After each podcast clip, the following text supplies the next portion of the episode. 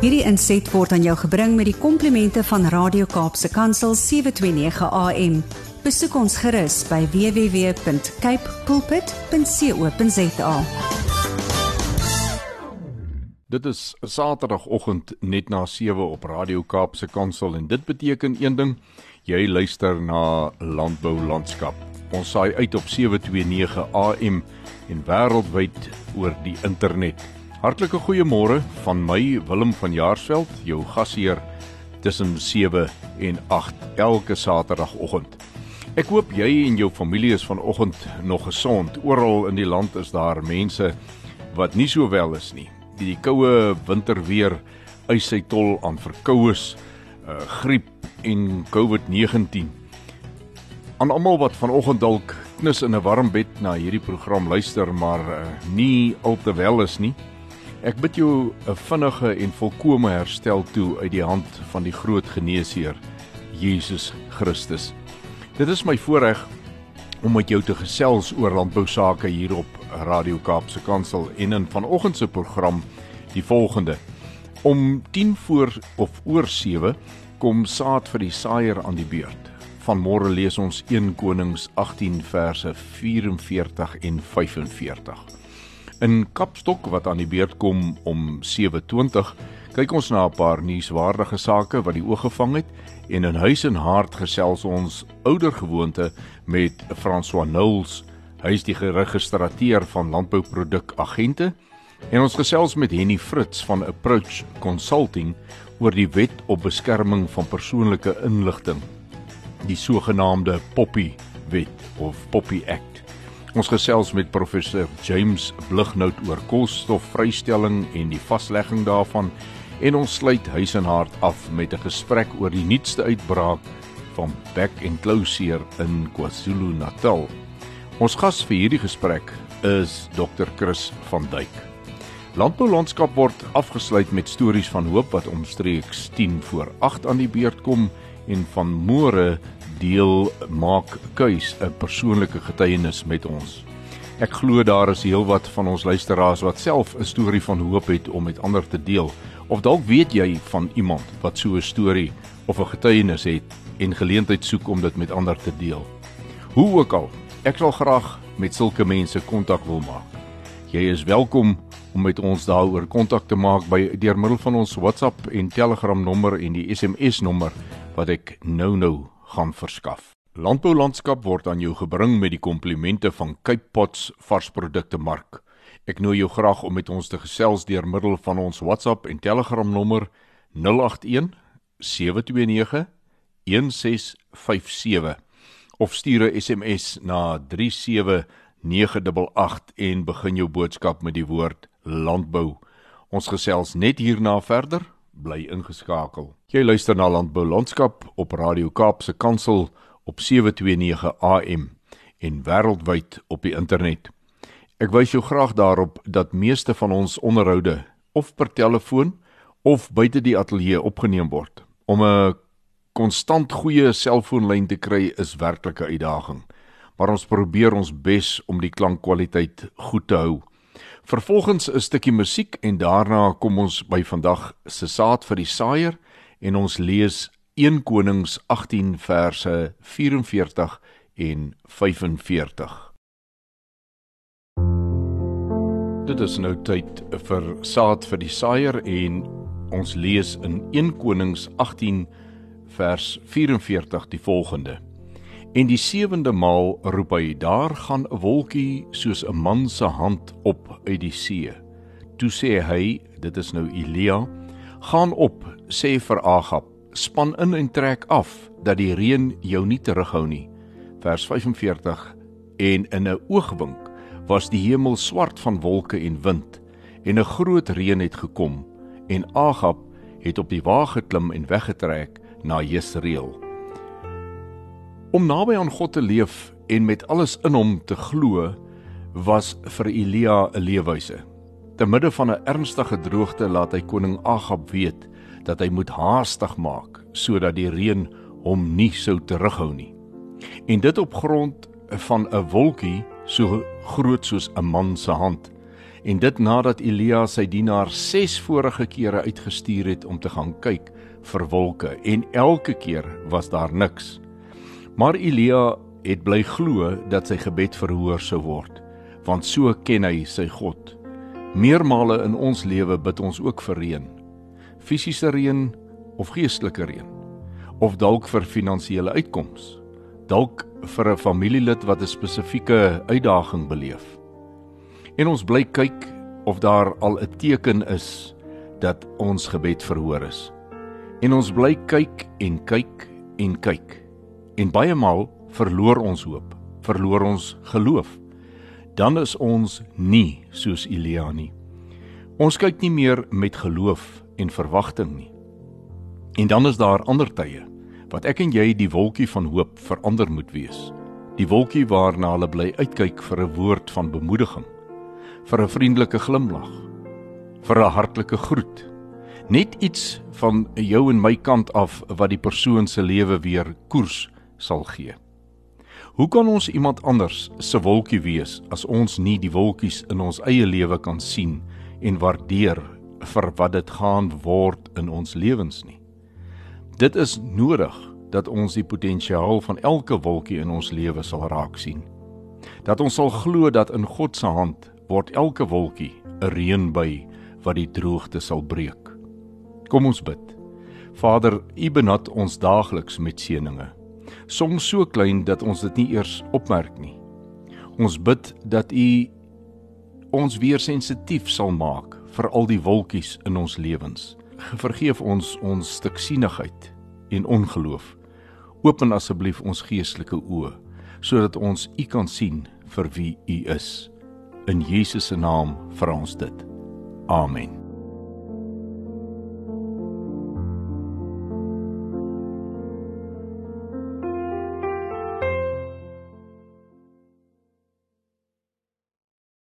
Jy luister na Landbou Landskap op Radio Kaapse Kansel.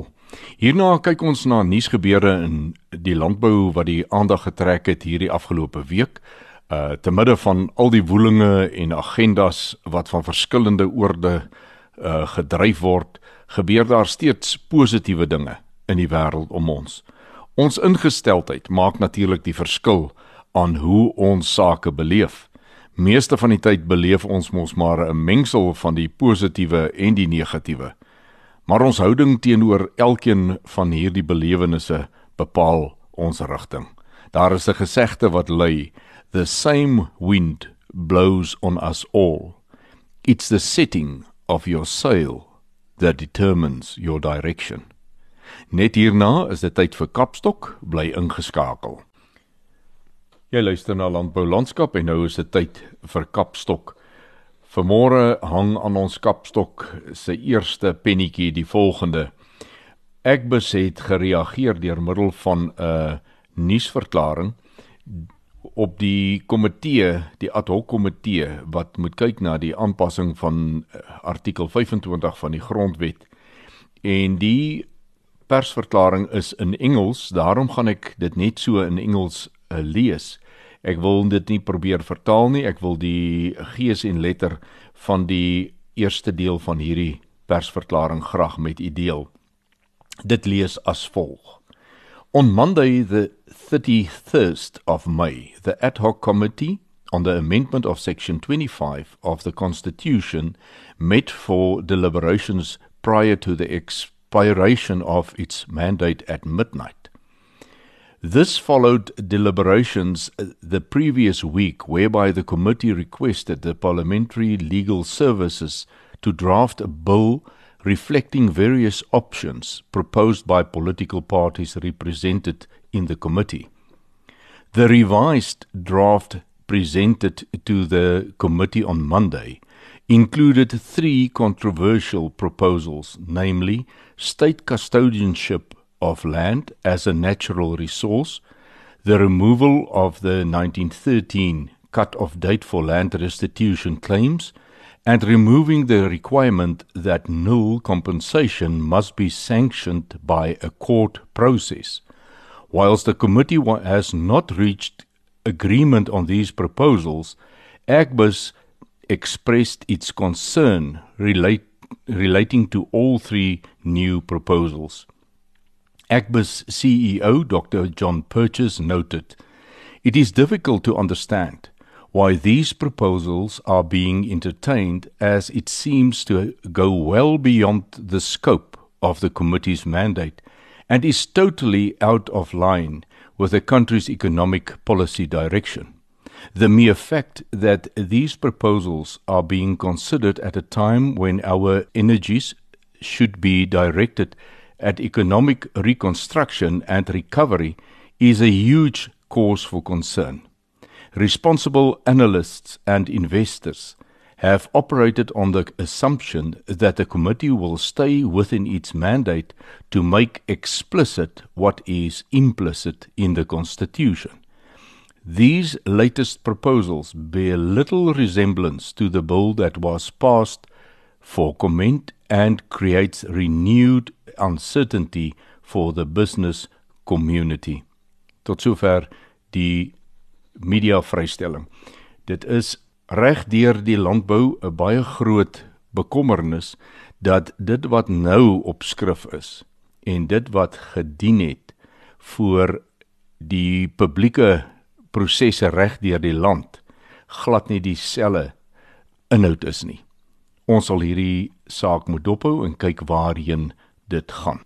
Landbou.com berig in 'n artikel deur Nico van Bierik onder die opskrif een van die beste landboujare nog dat ondanks die beperkings van COVID-19 op die land se ekonomie kan Suid-Afrika uitsien na een van sy beste landboujare ooit met oeste en uitvoer wat selfs belovender as verlede jaar lyk. Die jaar het uitstekend begin met uitvoer van 2,9 miljard dollar, dit is sowat 40 miljard rand wat op 'n jaargrondslag groei van 28% verteenwoordig hoewel dit van 'n lae basis af is weens die ontwrigting van COVID-19 inperkings aan die begin van 2020. Die landbou se handelssurplus in die eerste kwartaal van jaar is 1,4 miljard dollar, dis sowat 20 miljard rand. Die landbou sakekamer Ekbus meen as bloot na BBP syfers gekyk word, gaan 2021 beter as 2020 wees. Dr John Purchase, die uitvoerende direkteur, sê die groei op 'n jaargrondslag in 2020 was 13,1%, maar 'n mens moet in gedagte hou dat dit was van die lae basis van 2019 af weens onder meer droogte en diere siektes. Vir 2021 verwag Ekbus op 'n jaargrondslag groei van 4% tot 5%, maar hierdie keer is dit van 'n relatief hoë basis af. Meneer François Strydom, groepuitvoerende hoof van Senwes, het in 'n toespraak eh, met Agri Noordwes se jongboer toekenninge gesê mense besef nie in watter fantastiese posisie die Suid-Afrikaanse landbou op die oomblik is nie. Hy het daarop gewys dat verlede jaar die tweede grootste uitvoerjaar in die geskiedenis in randwaarde naas 1994 was. Vanjaar is 'n kommoditeite se volumes hoër, pryse lyk goed en as die rand begin verswak, is daar nog verdere potensiaal. Meneer Vandile Seshlobo, hoofekonoom van Agbus, sê die vernaamste uitvoerprodukte in die eerste kwartaal was tafeldruiwe, grondboonolie, mielies, wyn, wol, pruime, pere en appels. Ons verwag dat hierdie produkte bo aan die lys van uitvoer deur die loop van die jaar sal wees weens hoër produksievlakke. Hy sê die wynbedryf verwag byvoorbeeld 'n wyndruifoes van 1,5 miljoen ton wat 9% hoër is as verlede jaar se oes. Dit dan sover as wat ons kan kom met Kapstok vanoggend.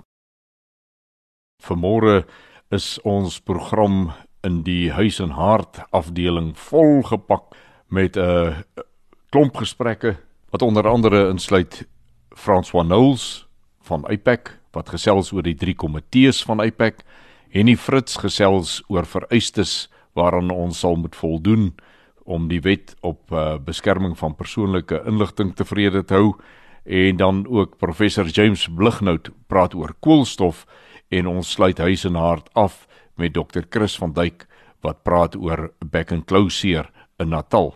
Bly ingeskakel want na die volgende stukkie musiek is ek terug met Huis en Hart. Jy luister na Huis en Hart en vanmôre Gesels ons verder met eh, François Knowles, die registrateur van APEC. Goeiemôre François. Goeiemôre Willem en luisteraars.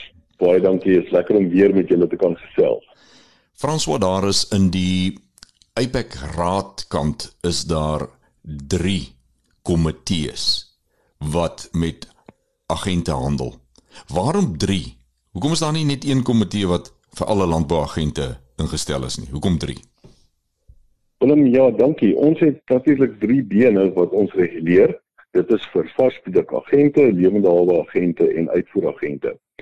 So om dit sinvol te maak, het ons vir elkeen van hierdie bene het ons 'n komitee en die verwysingsraamwerk van hierdie komitees is om enige besluite wat ons maak, aanbevelings word belyn met die ehm um, doelwitte van die raad en dit word baie pertinent gedefinieer in die in die wet. So ons het 'n goeie riglyn waarvolgens ons werk Nou, kom ons praat 'n bietjie meer spesifiek oor die werk van die komitees. Hierdie komitees ehm um, sien mekaar op 'n kwartaallikse basis en ehm um, die lede wat in so 'n komitee is, verteenwoordig dan die spesifieke fokusarea.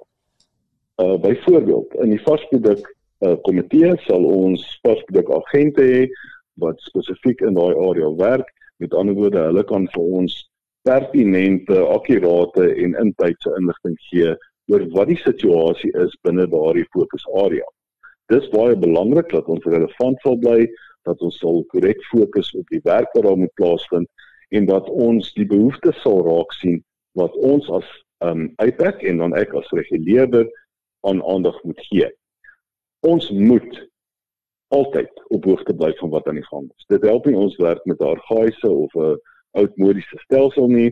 Dit is glad nie ons doel nie ons wil glad nie gesien word as 'n hekkie tot uh, besigheid wat gedoen word nie eerder as iemand wat die proses stimuleer in belang van die boere vir wie ons uh, die werk doen nou uh, ons het drie komitees um, soos ek sê elkeen se werk is baie pertinent en spesifiek op daai area gefokus en dit is natuurlik um, dan ook die doelwit en die uitkoms wat ons van so 'n uh, komitee verlang hierdie besluite word aan verwys na die finale goedkeuring en dit word daar bespreek en as ons dan ehm, 'n um, positiewe uitslag kry, dan is dit iets wat ons sal uh, implementeer en ons sal daarvolgens werk.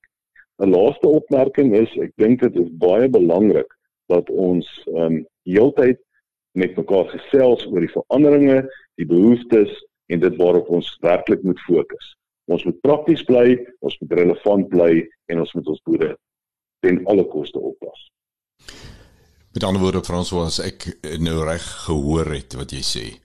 Apex Raad, daar sit 'n klomp ouens uit verskillende dissiplines bymekaar en dan doen hulle die werk van die raad. Maar binne in die komitees, 'n komitee van lewende hawe agente sal nie ouens van die varsprodukte en die uitvoer manne hê nie, want hulle fokus op dit wat met lewende hawe te doen het en dan so ook vir die uitvoer en die varsprodukte komitees.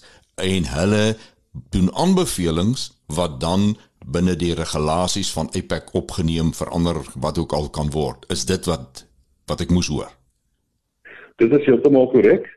Ehm um, dit is ook belangrik om ehm um, baie keer 'n onafhanklike opinie van 'n ander fokusarea te kry. Frans baie baie dankie weer eens vir jou tyd en baie interessante insette. Ek dink uh, ons leer al hoe meer van APEC. Baie dankie vir môre. Willem baie dankie. Dit is altyd 'n voorreg om met jou te praat. Net hierna gaan ons aan met die res van Huis en Hart bly ingeskakel. Jy luister na Huis en Hart hier op Landbou Landskap en die volgende persoon waarmee ons gesels is meneer Henny Fritz van Approach Consulting. Goeiemôre Willem. Eh, dankie dat ek 'n bietjie met jou kan gesels volgens. Ja, Henny, dit gaan uh, na aanleiding van 'n e-pos wat jy uitgestuur het aan uh, julle kliënte en waarin dit gaan oor die poppy wetgewing wat volgens ja. daardie e-pos die 1 Julie in werking tree. Nou net vir agtergrond, wat behels die poppy wetgewing? Ehm uh, Willem, jy sal my verskoon as ek as ek hom so effens weier vat. Die uh, Suid-Afrikaanse grondwet uh, bepaal dat elkeen, elkeen van ons die reg op privaatheid het.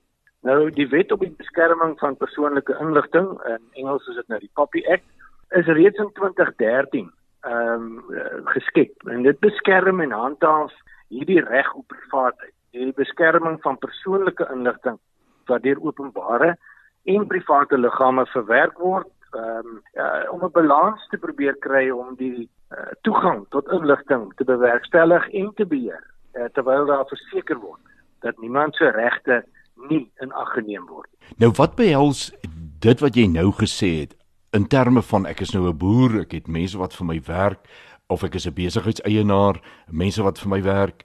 Ehm uh, wat sal die impak van dit wat jy nou gesê het wees op hierdie tipe mense? Nou kom ek kom ek antwoord jou so.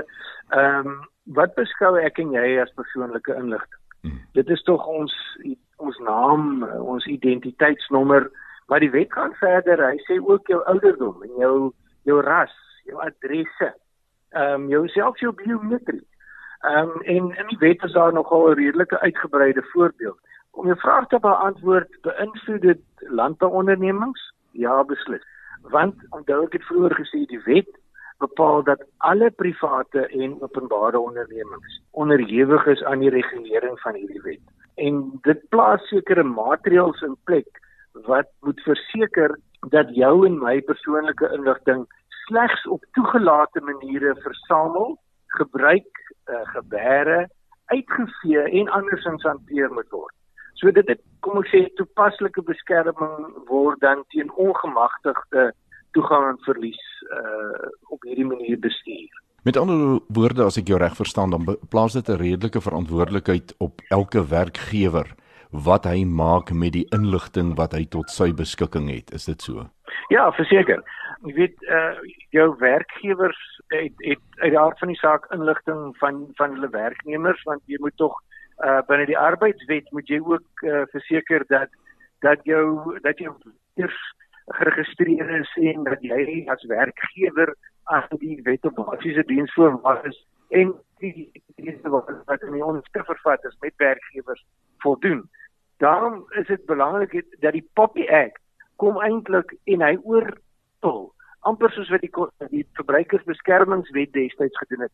Hy oorkoepel hierdie reg wat die werk nemers het om beskerm te wees. Jy weet seker dat werkers moet op hierdie met die wysiging van die wet wat op die wet wat nou inkom, moet byvoorbeeld werkers instem dat jy as werkgewer hulle inligting vir wettige doeleindes soos byvoorbeeld die werkloosheidsvoorsieningsfonds en die belasting mag deel. Van tevore het ons net aanvaar as werkgewer. Dit is 'n gegewe, jy kry die werknemer se inligting uh jy registreer hom uh, of waar waar waaroor ook al die registrasies moet plaasvind en dis dit maar in die aanstellingskontrak wat daar nou is en wat gewysig moet word as dit nie daar staan nie moet die werknemer spesifiek toestemming gee en instemming gee dat sy inligting of haar inligting vir selfs wettige doeleindes gebruik mag word. Ek hoor dat daar definitief werk gedoen sal moet word van uh, werkgewers aan kontrakte en dis meer so ons raad vanmôre aan hulle sal wees kry die mense wat jy altyd adviseer daaroor om jou te help met aanpassings en dat jy jouself belyn met hierdie nuwe wet wat in werking kom. Ek sê vir jou baie dankie Henny, jouself 'n kundige by Approach Consulting. Uh jou gegevens is op die uh, in die web wêreld. Uh mense wat met jou kan of wil skakel, kan dit gerus doen met die besonderhede wat daar op julle webtuiste gegee word. Baie dankie vir jou tyd vanmôre. Ek waardeer dit. Dis 'n plesier. Baie dankie vir die voorreg om met jou en jou luisteraars te kon gesels. Mag ons 'n uh, mooi so 'n wintersdag geniet. Bly ingeskakel. Ek is net hierna terug. Jy luister na Landbou Landskap en in huis en hart is dit nou tyd vir ons volgende gesprek en ons gas is niemand anders nie as professor James Blighnout. Nou uh, James is 'n uh, buitengewone professor by die skool van openbare leierskap by die Universiteit van Stellenbosch. Goeiemôre James. Ah, goeiemôre en baie dankie en uh, ja, dankie dat ons 'n bietjie kan gesels vandag.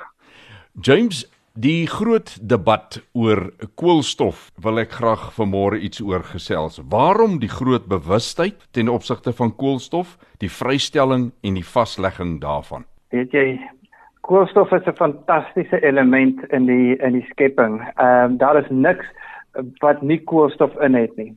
Ons liggame, die materiale wat ons om ons sien die kos wat ons eet in die grond oral is koolstof.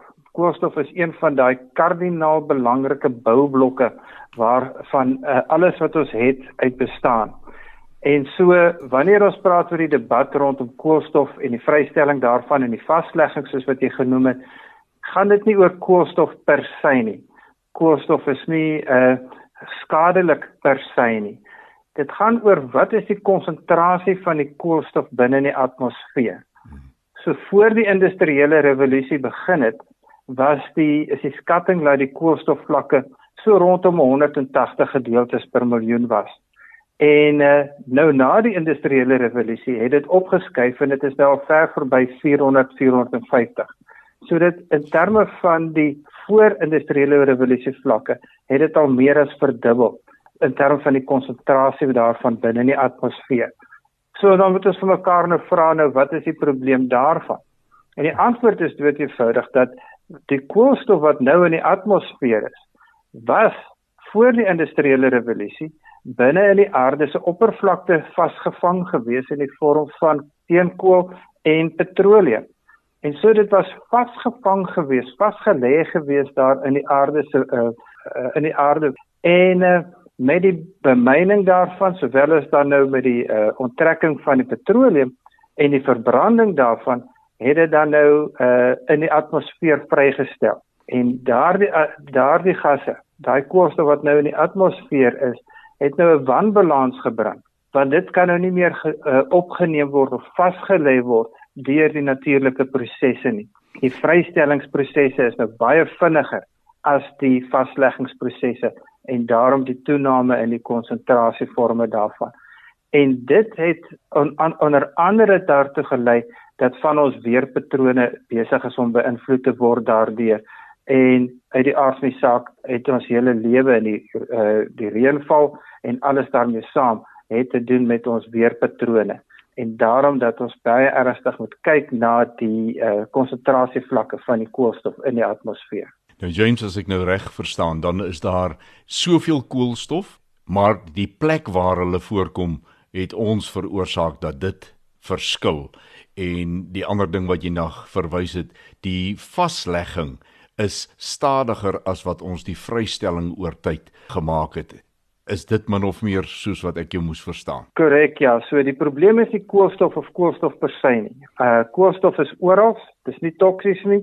Dis deel van die lewe se boublokke en uh, en 'n fantastiese boublok om mee te werk. Nou gaan dit oor die konsentrasie daarvan in die atmosfeer want die koolstof wat vasgelê was binne in die aarde se atmosfeer uh, se aarde aardbodem het deur die um, menslike toedoen, die myn van steenkool en die verbranding daarvan en dan ook die onttrekking van petroleum en die verbranding daarvan het die koolstof verskuif, verskuif vanaf die uh, grond waarin dit was tot in 'n gasvorm. So vanaf 'n vaste vorm na 'n gasvorm. Uh waar dit as 'n vaste vorm in die aarde was en nou as 'n gasvorm in die atmosfeer. En dit is daai verskywing is direk as gevolg van 'n uh, menslike handeling myne en oliebore en het dit 'n 'n wanbalans teweeggebring. En nou die prosesse om dit weer vas te lê is by wyse van 'n uh, fotosintese van die uh, plante wat dit basies kan absorbeer. Maar daai prosesse is op hierdie stadium stadiger as wat die vrystellings uh, is. James baie dankie vir jou tyd. Hierdie onderwerp is baie wyd. Ons gaan 'n hele reeks met jou opneem hieroor Uh, baie dankie dat ons ver oggend kon weggetrek het daarmee. Baie dankie en groete aan die luisteraars. Bly ingeskakel, ek is nou weer terug. Jy luister na Landbou Landskap hier op Radio Kaapse Kansel en ons volgende gesprek is met Dr. Chris van Duyk. Chris is die voorsitter van die Nasionale Dieregesondheidsforum. Goeiemôre Chris. Goeiemôre. Chris, ons het nou sopas verneem uh of so 'n week of wat gelede dat daar weer 'n uitbraak van back and claw seer in die voorheen vryzone in ons land in Natal uitgebreek het.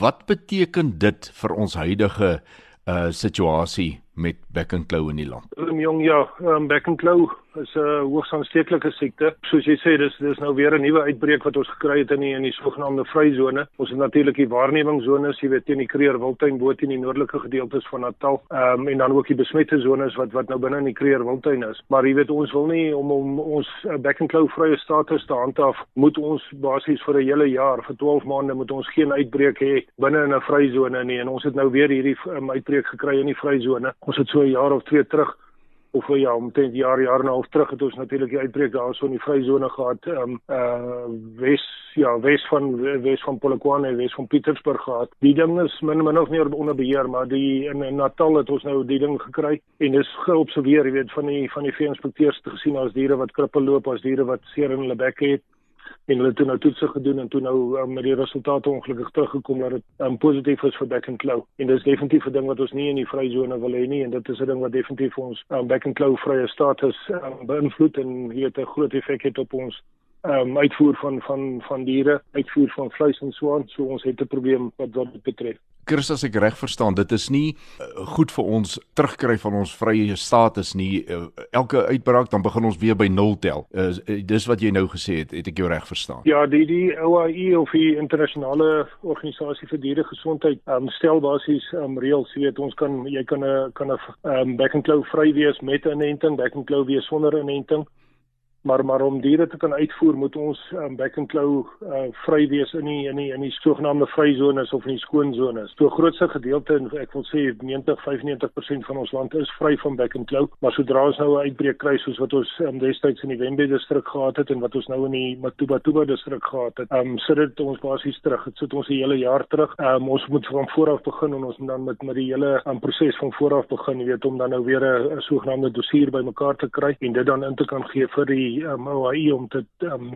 om vir hulle dan die waarborg te kan gee dat ons back and claw uh, back and claw vry is. Nou Chris, back and claw is nie 'n siekte wat mense beïnvloed nie. Uh dit kan nie oorgedra word na mense toe nie. Dit is net op diere en dan diereprodukte wat uh, daardeur beïnvloed word. Maar wat is die ekonomiese impak van die verlies aan ons back and claw vrye status? Willem, dis dis massief. Jy weet as 'n mens gaan kyk na ons uitvoer van ons vleis wat ons het uh, Botswana uh, Botswana bevoeld waar jy nou se klomp um, lewendige diere en dan ook vleis uitvoer op 'n jaarlikse basis het omtrent onmiddellik nadat daai uitbraak um, in in in Noord-Natal was het hulle die grense toegemaak. So jy weet dis onmiddellik hierso met ons omliggende um, bure het ons al reeds 'n uh, probleem dat die vleis nie kan uitgevoer word nie, maar so ook nou van die ander lande toe. So jy weet die die die ander groter lande na wie toe ons uitvoer kan ook baie vinnig inkom en hulle kan dan ook uiteindelik um, gaan hulle dan ook um, die die uitvoer van vleis en goed gaan hulle beperk en dit gaan 'n groot ekonomiese effek hê op um, weet uiteindelik op ons um, rooi vleisindustrie. Absoluut.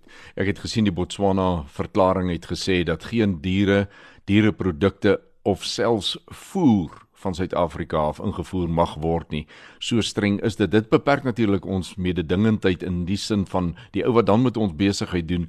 Hy is die enigste ou wat met ons besigheid doen. Baie min ander gaan met ons besigheid doen. Met ander woorde, die prysbepaling van vraag en aanbod word so negatief beïnvloed is net nie waar nie. Uh Chris, ja, ek sê vir ja. jou vreeslik baie dankie vir jou tyd en die insigte wat jy met ons gedeel het. Uh ons hoop hierdie probleem word baie vinnig opgelos en dankie vir jou werk daar by die Nasionale Diere Gesondheidsforum. Ek hoop julle wen hierdie oorlog eersdaags. Ja, ja, ons is um, in die voorste linies en ons um, op 'n dag tot dag basis is ons besig om die, om die goeie stryd te stry, maar ja, dit gaan dit nog 'n rukkie vat om die ding onder onder beheer te kry. Baie dankie Chris, bly ingeskakel. Net hierna gaan ons voort met die program. Dit is tyd uh, vir stories van hoop en vir môre die getuienis van Maak Keus. Willem, ja, baie dankie vir die geleentheid. Ja, so twee weke terug was ek en 'n kollega pad na vergadering toe in Hemelsdorp as deel van uh, van 'n roetine besoek aan ons veiligheidsstrukture in die Hoërskool. En op baie stadium was daar um, alreeds protesaksies in groot dele van die Hoërskool, maar ek wil ons kan nie ons werk op sy skuif totdat daar enige besluit word deur die partye, jy weet om in vrede te lewe nie. Ons hou maar aan met die werk. Ongelukkig het ons roete op baie dag ons verby van die protesaksies gevat. So ons het uh, ook maar probeer om alternatiewe roetes te vat. Maar op een van die alternatiewe roetes uh, is ons aangesê deur die, die lede van die polisie om om te draai en 'n ander roete te neem omrede die pad al reeds toegemaak was. En uh, toe ons nou verder een van die draaie vat, het ons te laat besef dat ons uh, in 'n hinderlaag ingery het. En jy weet jare terug ons is geleer dat indien jy jouself in 'n hinderlaag bevind, En baie van die luisteraars sal onthou, ehm um, dat jy deurjaag, jy het aan die kant uit te kom. Jy nie daar bly nie. Maar ongelukkig het ons besef dat uh, dit nie moontlik sou wees nie omrede daar alreeds staal kabels oor die pad gespan was en die een kant van die pad was alreeds versper. Ons moes natuurlik nou omdraai. En dit was in die omdraaislag wat ons besef het dat daar nie maklike uitkomkans is nie. Die klippe het begin afkom en ehm um, eers is die agterste ry uitgegooi, toe die vooruit en toe hoor ek dat my venster bars en iets tref my teen die kop. My fokus was egter nog steeds weet om uit te kom. Albei my en my kollegas om onthaalwe. En uh weet ons kon toe hoor hoe die klippe teen die bakwerk slaan en nou nog ry uitgegooi word. Nou op 'n stadium het ek gedink dat ons vasgesit het. Maar ons het daarom toe genadiglik uitgekom. En ons is uit die hullag uit en omtrent so kilometer van die toneel af het ons afgetrek net om die skade te meet. En dis daar dat ek besef het dat ek 'n gat in my kop het en dat ek uh, skade aan die kant van my gesig het. 'n Kollega het toe verbande uitgehaal om te help met die bloeding en dit is toe dat lede van die uh, van die polisie langs ons stop en hulle vra toe vir ons of hulle ons kan help. En uh, hulle toe hulle vergesel ons toe na die naaste kliniek toe.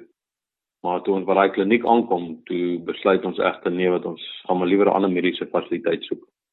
En toe daag daar nog 'n voertuig op van die polisie en hulle vergesel ons toe na die hospitaal by Tenaag.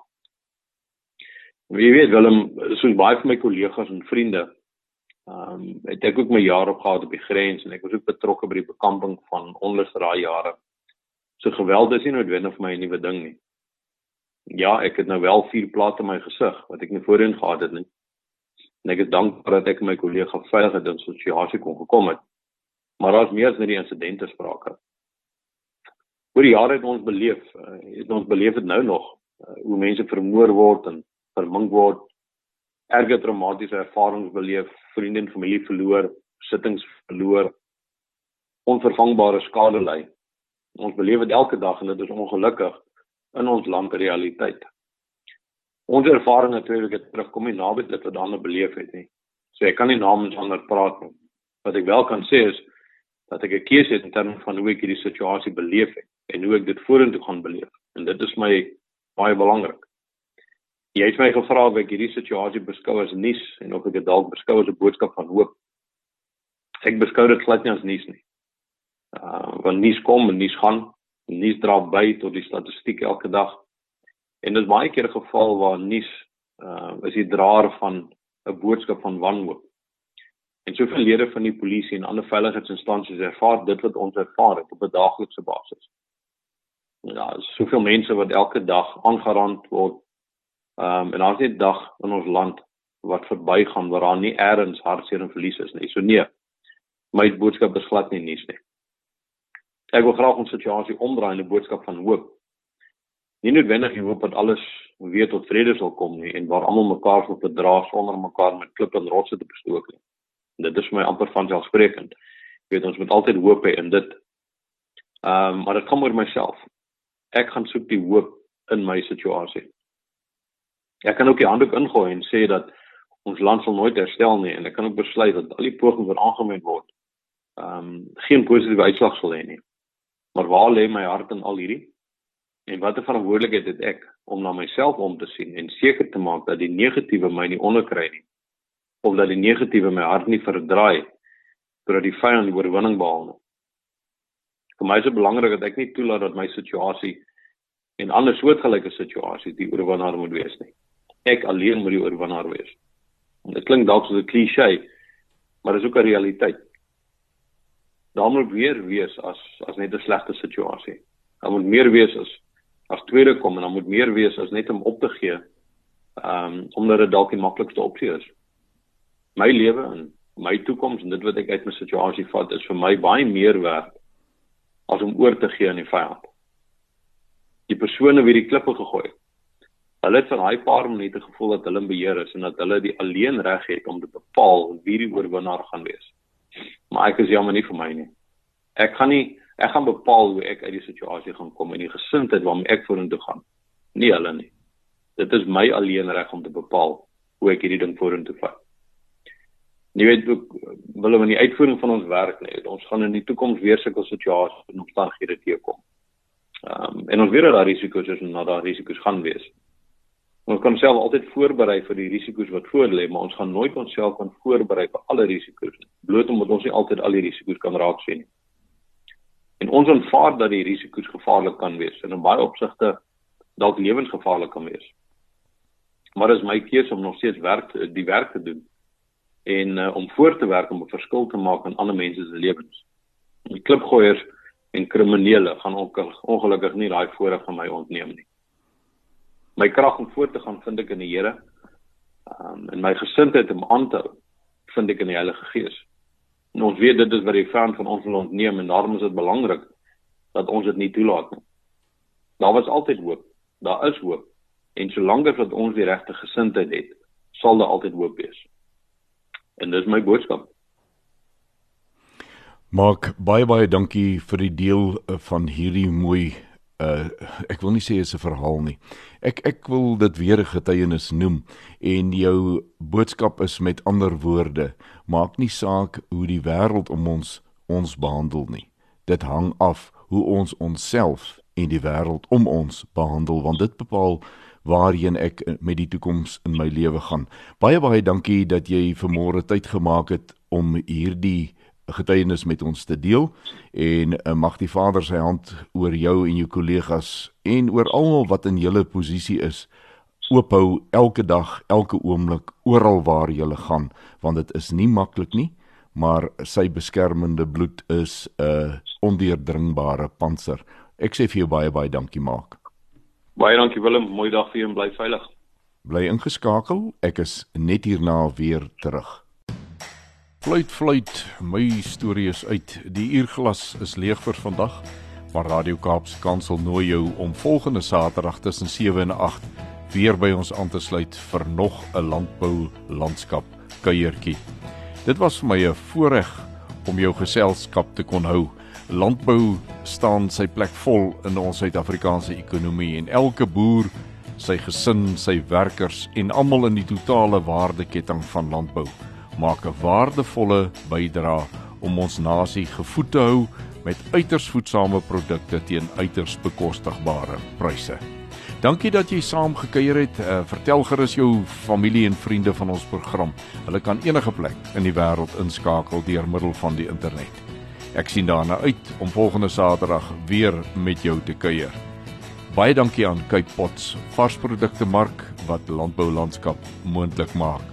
Onthou om met ons te gesels op WhatsApp en Telegram op die nommer 081 729 1657 of per SMS op 37988 en moenie die eerste woord van elke boodskap vergeet nie. Begin jou boodskap met die woord landbou. Tot ons weer saam kuier volgende Saterdag om 7 groet ek Willem van Jaarsveld en mag jy elke oomblik Vader se guns op jou lewenspad beleef bly gerus ingeskakel by Radio Kaapse Kansel vir ons volgende program wat net hierna begin. Wederom